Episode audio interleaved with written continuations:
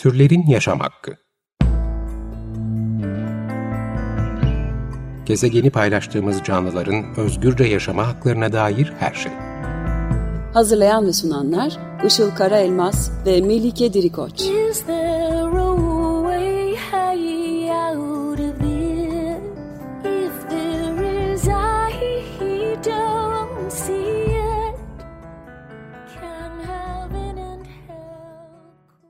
Merhabalar, 95.0 Açık Radyo'da Türlerin Yaşam Hakkı programı başladı. Ben Işıl Karaelmaz. Merhabalar, ben de Melike Dirikoç. Ee, Haziran ayı yani Onur ayı Pride kutlamalarımız devam ediyor. Geçen haftada duyurduğumuz gibi bu ay tüm programlarımızda Türkiye'de LGBTİ artı mücadelesini konuşacağımız konuklar ağırlıyoruz. Bugünkü konuğumuz da sosyal medyadaki hesabıyla bilinen queer vegan aktivist, kendi deyimiyle üretici, düzenleyici, serotonin kaynağı, sosyal kelebek, profesyonel şişko. Berat Bebek. Kendisi aynı zamanda Boğaziçi Üniversitesi Kimya Bölümü öğrencisi. Hoş geldin Berat. Hoş geldin. Hoş buldum. Selam. İyi ki geldin. Ee, işte öncelikle e, Onur ayındayız ve sana şu soruyu sorarak e, başlamak istiyorum. Onur ayı paylaşımlarında e, bir süredir aslında e, çoğumuzun bildiği bir love is love yani aşk aşktır söylemi var ve bunun üzerinden de bir e, aslında tartışma ve farkındalık da e, var konuşulan. Çünkü aslında e, LGBTİ meselelerinde temel haklar e, aşk, aşktırın e, arkasında kalabiliyor mu sence? Bunu sormak istiyorum. Bir de buna paralel olarak e, pinkwashing denilen bir kavram var. E, bu nedir? bu kavram ve e, bunun hakkında ne düşünüyorsun? Bir de bunu sormak istiyorum. Tabii ki. Şimdi ben radyo ve podcastlerde görüntümüz olmadığı için betimlemeyi seviyorum ara sıra. Bu aşk aşktır sloganını duyduğum zaman ben göz devirmeden edemiyorum artık. Çok yoruldum çünkü.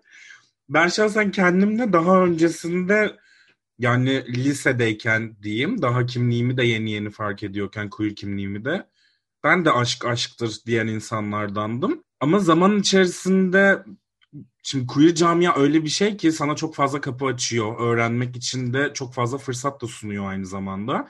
Çünkü sürekli olarak sorguluyorsun. Yani kendini sorgulayarak başlamışsın zaten hayata. Aşk aşktır da ben de sorgulayarak şöyle bir yere vardım. Yani şimdi tamam aşk aşktır diyoruz ama aşık olmayanlarımız var. Ve onlar da LGBT artının altındalar. Aynı çatı altındayız diyoruz. Ve yani bizim acaba derdimiz sadece aşk mı? derdimiz sadece atıyorum evlenebilmek mi? Değil. Aslında hepsi hak temellerine dayanıyor ve tam senin sorduğun gibi bunun arkasında kalabiliyor gerçekten de. Şöyle kalıyor. Yani tamam sadece işte onlar da seviyor. Onlar da insan. Onlar da aşık oluyor. Baksanıza falan gibi. Böyle cicileştirme, böyle tatlılaştırma yerinden bir yürüyor hep genel olarak. Halbuki yani öyle hiçbir şey yok ortada. Evet tamam aşık olabilirim. Aşk aşktır da doğru. Ama aşık olmasam o zaman ben haklarımı almayacak mıyım?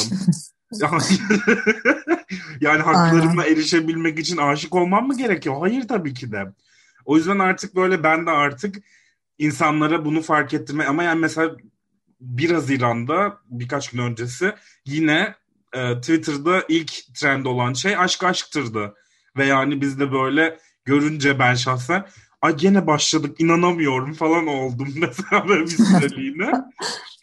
Çünkü hani atlattık bunu artık diye sanıyorsun böyle başta. Ama ümit ediyorum ki bu de- değişip gelişecek yani. Sadece şöyle bir sıkıntı var bu noktada. İnsanlar genel olarak benim gözlemlediğim yani hayatım boyunca gelişime ve değişime kapalı gibi davranıyorlar. O yüzden de öğrenmeye de kapalı oluyorlar bu sefer. Sen onu anlatsan da bunu kabul etmeyip hayır böyle diyor.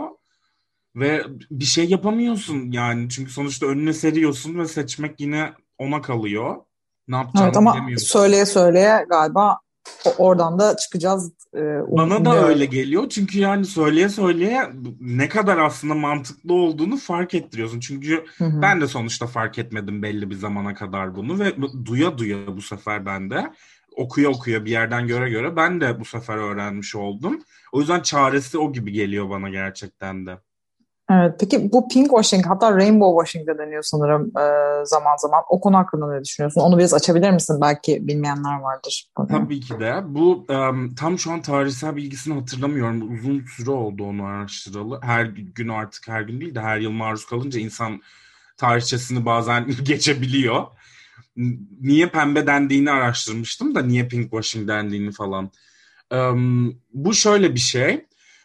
Şimdi Pride ayı dediğimiz ay genel olarak dünya genelinde kutlanıyor zaten ve Haziran genel olarak kutlanan bir şey. Ve bu ayda tabii ki de markalar e, kapitalizmin bağrından koşup gelen o üreticiler özellikle büyük üreticiler zaten hemen ben bir gökkuşağı yapayım. Ay bu ay hemen bir renk katayım hayatıma. Aman yarabbi hemen ışıklar renkler cıvıl cıvılız muhteşemiz falan gibi böyle. Bir anda bir tanıtımlar bir böyle ürünler gökkuşakları çıkıyor ortaya. Bunu şöyle bir, tabii ki yapına yok. Kimse bir şey demiyor gökkuşağının olması tabii ki olsun. Burada sıkıntı şu. Um, washing denmesinin nedeni de yani yıkama denmesinin nedeni de o. Sizin gözünüzü boyuyorlar yani. Türkçe'ye çevirsek boy, göz boyama gibi oluyor bence daha çok. Bununla gözümüzü boyarken aşkım bak ben senin yanındayım. Ne olur. Lütfen bak gökkuşağı üretiyorum. Baksana logoma gökkuşağı koydum. Saçmalama. Ama yani iki gün sonra başıma bir şey geliyor. Bir yerde hakkımı ararken, hakkımı savunurken desteğe ihtiyacım oluyor. O markalar yanımda yok. O markalar sesini bile çıkarmıyor. Yani mesela evet. bu dönemin başından beri şu an 100 günü aştı. 130 hatta 150'yi aştık sanırım. Günü sayısını kaybettik Boğaziçi protestolarında. Başımıza neler geldiği belli. Neler olduğu belli. Tek bir insan gıkını çıkarmadı ya doğru düzgün. Yani hani gıkını çıkaran insanlar bile aman ben LGBT artı demeyeyim de mimlenmeyeyim de falan gibi yaklaşan insan sayısı çok daha fazlaydı. E bu da hmm. hal böyle olunca da e niye o, biz bunu böyle yapıyoruz? Yani benim haklarımı görmezden geliyorsun. Yine benim benliğimi görmezden geliyorsun. Ama üstünden para kazanabileceğin zaman aşkım ben senin yanındayım deyip de parayı yine kendine kazanıyorsun. Ya işin garip tarafı o kazandığı paradan yardım da yapmıyor yani LGBT artılara. Hayatım bir sürü derneğimiz var. Oraya bir para yatır, bir şey yap. Kaç tane evsiz, işsiz arkadaşımız var. Bir şekilde onlara istihdam sağla, bir şey sağla. Gücün var çünkü buna yani. Ama hayır. Logomu gökkuşağı yapıyorum ben. o yeterli. Bu tabii ki de çok çok zarar veren bir şey bir yerde. Yani aslında beni ikide de ikilemde de bırakıyor. Çünkü şöyle düşünüyorum. Ya görünürlük yapsınlar tabii. Ama zarar veriyor ki yani bir işin ucunda. Çünkü yani gösteriyor gösteriyor gösteriyor bir ay sonra bitti. Sadece tek taraflı olunca gene olmuyor tabii. Evet. Tabii ki hiç hani ben arasam etsem mesela yok telefonlar kapalı, kapılar kapalı. Belki kendi iş yerinde şeye şiddete uğrayan bir LGBT artı var yani. Bilmiyoruz bile ama ayı gelince gökkuşağı önemli diye yaklaşıyorlar. O da değişecek diye ümit ediyorum ben. Çünkü Türkiye'de bunu çok göremesek de şu an için belki de politik durum sebebiyle Belki de değil tabii de yani işte tek o değil. Ama yavaş yavaş değişiyor yani ufak işletmelerden ajanslara, ajansların yaptığı, çalıştığı markalara böyle ufak ufak pırıltılar, güzel şeyler geliyor gibi de hissediyorum. O yüzden ister istemez yine ümidi kesmeden başka bir dünya mümkün demeye de devam diyorum o yüzden. Evet, Türkiye'de belki de aslında şirketlerin sadece logolarını bile gökkuşağı yapmaları büyük bir risk bile olabiliyor belki onlar açısından. Evet, Çünkü Türkiye'de bambaşka bir onu bile yapamıyorlar. Peki e, şimdi buradan baktığında sen hep bir süredir de Hollanda'da yaşıyorsun. E, LGBT artı deneyimini Hollanda ve Türkiye olarak karşılaştırdığında neler söylemek istersin? Ne gibi farklar var? Şimdi bu amalı bir cümle olacak. amalı cümlelere bakarken hani böyle amadan sonrasını at deriz ya. Öyle bir ama değil bu. Kesinlikle dağlar kadar fark var. Yani şu örneği verebilirim direkt olarak. Soran insanlara bu örneği veriyorum genelde. Benim e, Listak tarafından, Listak aileleri tarafından yapılmış bir gökkuşağı maskem var. Türkiye'deyken aldım bunu. Ve bunu Türkiye'de sokakta da taktığım oldu. Üstüme gelen bakışlar, o insanların ayrımcılıkları, bakışları böyle bir tepeden aşağı süzmeleri falan bahsetmiyorum bile zaten havaalanına da bu maskeyle gittim. Ben Hollanda'ya gelecekken. İki havaalanı, havaalanı arasındaki farkı anlatacağım şimdi. İstanbul Sabiha Gökçen'e girdiğimde size yemin ediyorum güvenlikten orada giden çocuğa kadar yani annesinin yanında olan çocuğa kadar farklı bir bakış sezdim. Yani çocukta dahi çok çok küçük bir çocuk da değil hani 8-10 yaşlarında diyelim. Ama öğretilen bir şey ya bu. O yan gözle bakmayı orada sezmek o kadar acı veriyor ki insana. Çünkü yani şey oluyorsun. Ne yaptım ayol? İnsan böyle düşünüyor ne oldu yani diye. Sonra uçağa bindim. Hollanda'da indim. İndiğim andan itibaren yani kapıdan çıktık uçağın kapısından işte koridordan geçtik ettik valizleri aldık. Valizleri alırken bile dahi insanlar bana bakıp gülümsemeye başladı. Yani benimle aynı uçakta gelen insanlar değildi çoğu maalesef. Ama yani çevredeki insanlar ciddi ciddi bana bakıp gülümsemeye başladı, selam veriyordu. Ben böyle bir neye uğradığımı şaşırdım. Acaba tanıyorlar mı bir yerden falan diye. o kadar ünlü de değilim. Beni nereden tanıyacak falan diye. Sonra şey oldum. Aa, bu gökkuşağı yüzünden olabilir. Aa, çok iyi falan diye. Anlamıyorum falan diye. Böyle bir... Gerçekten ilk kültür şoklarımdan biriydi o benim. Sonrasında işte sokağa çıktık, yürümeye başladık. İşte aktarma yapıyoruz. Kalacağımız yere geleceğiz çünkü. Sokakta bir yaya geçidi gökkuşağı renklerindeydi. Ben ağlamaya başladım. Gerçekten oturdum durakta ağladım. Ben kaldıramıyorum bunu dedim. İnanamıyorum dedim hani. insanlar Griye boyamamışlar. Hani bizim neyimiz eksik ki falan yani. Onlar da insan biz de insanız. Bizdeki niye böyle olamıyor falan oldum bir an. Böyle bir farklılık temelde gerçekten de var.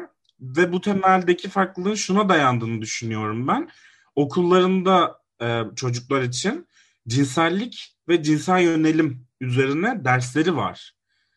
E, National Coming Out Day var. Dolaptan çıkmak terimi olarak çeviriyoruz Türkçe'ye genelde. Ulusal olarak dolaptan çıkmak gününü kutluyorlar. Yani okullar gökkuşağı bayrağını asarak kutluyor ve hani bu çok normal yani olağan bir şey. Hani biz normal değil olarak aşılanıyor ve öyle gibi görüyoruz ya. Burada tam tersi işleniyor. Ama şimdi o ama geldi. Ama şöyle bir nokta da var. Kötü insan her yerde kötü ya. Yani gerçekten bunun saf kötülüğe dayandığını düşünüyorum ben. Başka hiçbir şey değil. Ne inanış, ne görüş, ne dersek diyelim yani. Bu bildiğiniz saf kötülüğe dayanıyor bence. Burada da ben mesela o saçma sapan bakışlara maruz kaldığım oldu. Ya da işte açık açık kimliğimden konuşurken aa nasıl yani falan diye soranlar oldu. Ama bunlar çok nadir. O kadar nadir ki böyle davranan insanlar garipseniyor. Onlar azınlıkta kalıyor aslında. Ve Onlar azınlıkta kalıyor. Evet aynen öyle. Çok çok garip bir şey tabii ki de. Bunu hissetmek çok çok da güzel bir şey. Ama şu an öyle bir yerdeyim ki sadece böyle şey yani ümit ediyorum ki her yer böyle olsun ve rahat edelim, edebilelim. Evet, gerçekten öyle. Hepimizin güvenli alanlarda yaşamaya hem ihtiyacı var hem hakkı var aslında. Kesinlikle. Aslında sen de bunun için sosyal medyada aktivizm yapan insanlardan birisin. Ee, ve e, genellikle de mizahı kullanıyorsun içeriklerinde. Nasıl başladın sosyal medyaya? İçeriklerin nasıl gelişti? Biraz anlatabilir misin? Tabii ki. Ben e, ay bu tabii ki şeyini de çok seviyorum. Tabii anlatırım anlatmam ben çocukluğumdan beri oyunculuk yapıyorum. Çok seviyordum oyunculuğu. Nereden başladım, nasıl sardım bilmiyorum ama belediyeye gidip başladım ve yapmaya devam ettim böyle hiç de bırakmadım. Tabii böyle güllük gülistanlık bir çocuklukta geçirmedim. Ee, şimdilerde fark ediyorum tabii onu nelerin travma olduğunu, nelerin bana zarar verdiğini daha büyüyünce fark ediyoruz sanırım genel olarak zaten. Ben mizahta hep böyle kendimi buldum. Ya en mantıklı olabilecek şey herhalde o. Yani savunma mekanizmaları geliştiriyoruz ya böyle. Benim zaten çok yaygın e, kendi podcastımda da bunu söylüyorum. Çok yaygın olan savunma mekanizmalarından biri olarak güleceğiz bol bol diye. Yani oraya kaçıp da onu kullanabilmek, onu böyle dışarıya dökebilmek içimde aslında kimseye söyleyemediğim belki de beni yiyip bitiren, birine söylesem dahi beni yiyip bitiren o olayları mizaha döndürüp de dışa vurabilmek o kadar iyi etki ediyor ki. Çünkü gerçekten ben gülmenin devrimci bir eylem olduğuna inanıyorum. Hem kendimiz için yani hem kendimiz kendi düşüncelerimiz için hem de dünya içinde. Şey diye bir söz görmüştüm geçenlerde. Daha önceden de duymuştum da hatırlattım kendime. İzahı olmayan şeyin mizahı olur diye bir şey. Yani bazen gerçekten de doğru olduğuna inanıyorum bunun. Evet kesinlikle. Hiç izah edemiyorum ama mizahla öyle güzel anlatıyorum ki onu ve o bana da iyi geliyor. Belki karşımdaki insanlara da iyi geliyor, iyileştiriyor. Öyle de bir gücü var. Çünkü o işin içinden çıkabilmeni sağlıyor bazen ya da farklı bir bakış açısıyla bakabilmeni sağlıyor. Bunların hepsi de beni iyileştiriyor. Ben de o yüzden kopamıyorum da aslında oradan da. Ve insanlarla iletişimin çok güzel bir yolu da. Çünkü bence hepimizin gerçekten gülmeye ihtiyacı var. O eğlenceye ihtiyacı var. O yüzden de ben de onu tercih ediyorum. Hem bana iyi geldiği için hem de insanlara iyi geleceğini düşündüğüm için. Çok evet, yapıyorsun. Birçok takipçine de iyi geliyor. Ee, nasıl tepkiler aldığını da soracağız ama programın ortasına geldik. Biraz da geçtik. Bir şarkı arası yapalım. Sen bugün için bir şarkı seçtin. Onu e, duyurmak evet. ve neden seçtiğini söylemek ister misin? Tabii ki de. Çok isterim. Bu şarkı biraz eski bir şarkı. Ee, bana çok güç veren bir şarkı. Sözlerini dikkatle dinlediğinizde anlayacaksınız. Çok güçlü anlamı olan bir şarkı. Umarım size de güç versin. Hepsiden tempo. 95.0 Açık Radyo'da Türlerin Yaşam Hakkı devam ediyor. Konuğumuz queer aktivist Berat Bebek'le sohbet ediyoruz. Ee, sosyal medya hesabından ve aktivizminden söz etmeye başlamıştık. Berat içeriklerine nasıl tepkiler alıyorsun? Mesela e, siber zorbalıkla karşılaşıyor musun? Karşılaştığın yorumlar nasıl oluyor? Çok isterdim ki bu sorunun cevabı hayır olsun. Güllük gülistanlık yaşıyorum olsun ama çok korkunç şeyler alıyorum. yani ben nefrete çok alışkın biriyim zaten. Çocukluğumdan beri sürekli olarak nefret görüyorum yani kimliğim yüzünden. Ee, tabii kesinlikle normalleştirmek adına söylemiyorum tabii ki de bunu. İğrenç bir şey. ama çok alışkın olduğum için artık böyle bir o um, deri kalınlaşması gerçekten gerçekleşmiş ve çok da işlemiyor gibi derime hissediyorum bazen. Beni korumak adına o yağlarım o yüzden birikmiş gibi hissediyorum ben. Bazı insanlar benim bedenime laf ediyor. Bazı insanlar mizahımı beğenmiyor ya da anlattığım şeyleri beğenmiyor. Profilimi terk etmek yerine, beni engellemeyi seçmek yerine bana kötü şeylerle gelmeyi tercih ediyor. Bunu hiç anlayamıyorum, hiç anlayamadım. Yani tek söyleyebildiğim şey genelde eğer öğrenmeye açık olduğunu hissediyorsam yardım etmeye çalışıyorum, anlatmaya çalışıyorum fikrimi ve böyle tartışma ortamı oluşturmaya çalışıyorum. Ama bazen de bakıyorum gerçekten çok kötü. Çok netim o zaman da blok. Blok. yani rahatlık seviyesinde kalmanın başka bir yolu olmuyor çünkü. Güvenli alanımı koruyabilmek adına öyle devam ediyorum ben de. Çünkü siber zorbaları bazen bloklamadan e, dönüştüremiyoruz ya da hayatımızdan çıkaramıyoruz. O yüzden blokluyorum hayatım. evet gerçekten çünkü insanın kendini de koruması gerekiyor bir yandan ve bir yandan da sağlıklı bir iletişim olmuyor senin dediğin gibi. Hı-hı. Geliyor ve taciz ediyor yani birçok konuda. Ee, şeyi soracağım aslında farklı farklı alanlarda da bu zorbalıkla karşılaşıyorsun. Ee, bunlardan biri de veganlık olabilir sanırım. Ee, işte bu alanda da aktivizm yapıyorsun içeriklerinle. Bu kesişimselliği nasıl görüyorsun ve hani bu alanda da belki aldığın yorumlardan, verdiğin cevaplardan biraz bahsedebilirsen çok seviniriz. Şimdi beni tanımayanlar sadece sesimi duyuyor. Ee, gerçi en başta söyledik ama ben şişkoyum. Ee, ben gerçekten de şişkoyum. Obezite tanımımda var. Burada aklınıza ilk gelen şey sağlığımsa mesela ortada bir sorun var. Genelde insanlara bunu söylüyorum Instagram'da evet. falan da. çok karşılarına çok alışkın olmadığı biri çıktığı zaman insanlar yadırgayıp da gerçekten de farklı şeyler söyleyebiliyor ve bunlar kırıcı olabiliyor. Ama bazen insanlar bunu bilerek yapıyor. Veganlık böyle bir kısımda hala daha çoğu insan için ben öyle görüyorum. Ve ben hem şişman hem vegan olduğum için insanlar böyle nasıl yani vegan dediğin cılız olur. Onun kemiği gelir ona hiçbir şey yemiyor sen vegan değilsin sen gece yarısı et yiyorsundur falan gibi laflar alıyorum mesela. Ama ben çok değerli buluyorum yine bunu. Çünkü şey toplumun koyduğu tüm sınırların dışındayım diyorum. Ve yani onlar şişman bir vegan olamaz diye düşünürken ben böyle baş gösterip diyorum ki buradayım. Nasıl olamaz? Yemek sevmiyorum demedim ki ben yani. Hayvanları daha çok seviyorum dedim sadece. Onların da haklarını savunuyorum diyorum yani. Bu da, bu da çok yanlış bir algı aslında yani hani vegansan detoks ve diyet kültürüyle bir aradasındır ve sadece salata yiyorsundur ve dolayısıyla zayıf olman gerekir. Ki evet. her gün salata yesen bile zayıf olamayabilirsin. Mesela ee, bir de bedenler evet, de farklı ve biricik ya hani. Aynen. Yani çok e, şey bir algı var maalesef ki. Ama sen bunu çok güzel kırıyorsun yani hakikaten. E, bir de şey de oldu ya sen geçen gün ben de onu gösteriyorum arada işte sağlıklıyım bakın kan değerlerim. Evet. E, o noktada böyle herkes bir sus pus falan oluyordu evet. muhtemelen. Çok iç içe geçmiş şeyler aslında gerçekten yani böyle bir algısal bir e, kafalardaki şeyle bir ayrımcılıklar silsilesi işte böyle bir aslında aktivizm bunun için de gerekli yani görünürlük işte çektiğin bir reels'ta belki de bunu öğrenmesini sağlayabiliyorsun yani gerçekten. Evet aynen öyle.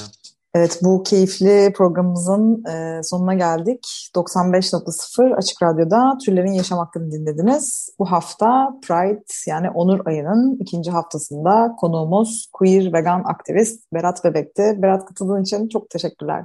Teşekkür ederiz. Ben teşekkür ederim. İyi ki geldin. Evet teşekkür iyi ki geldin. Ederim. İyi ki varsın. Gerçekten varlığımız birbirimize güç veriyor diyebilirim. Türlerin yaşam hakkı ile ilgili öneri ve yorumlarınız için e-mailimiz turlerinyasamakki.gmail.com Dinlediğiniz için teşekkürler. Haftaya görüşmek üzere. Hoşçakalın. Görüşmek üzere. Türlerin Yaşam Hakkı Gezegeni paylaştığımız canlıların özgürce yaşama haklarına dair her şey. Hazırlayan ve sunanlar Işıl Karaelmaz ve Melike Dirikoç.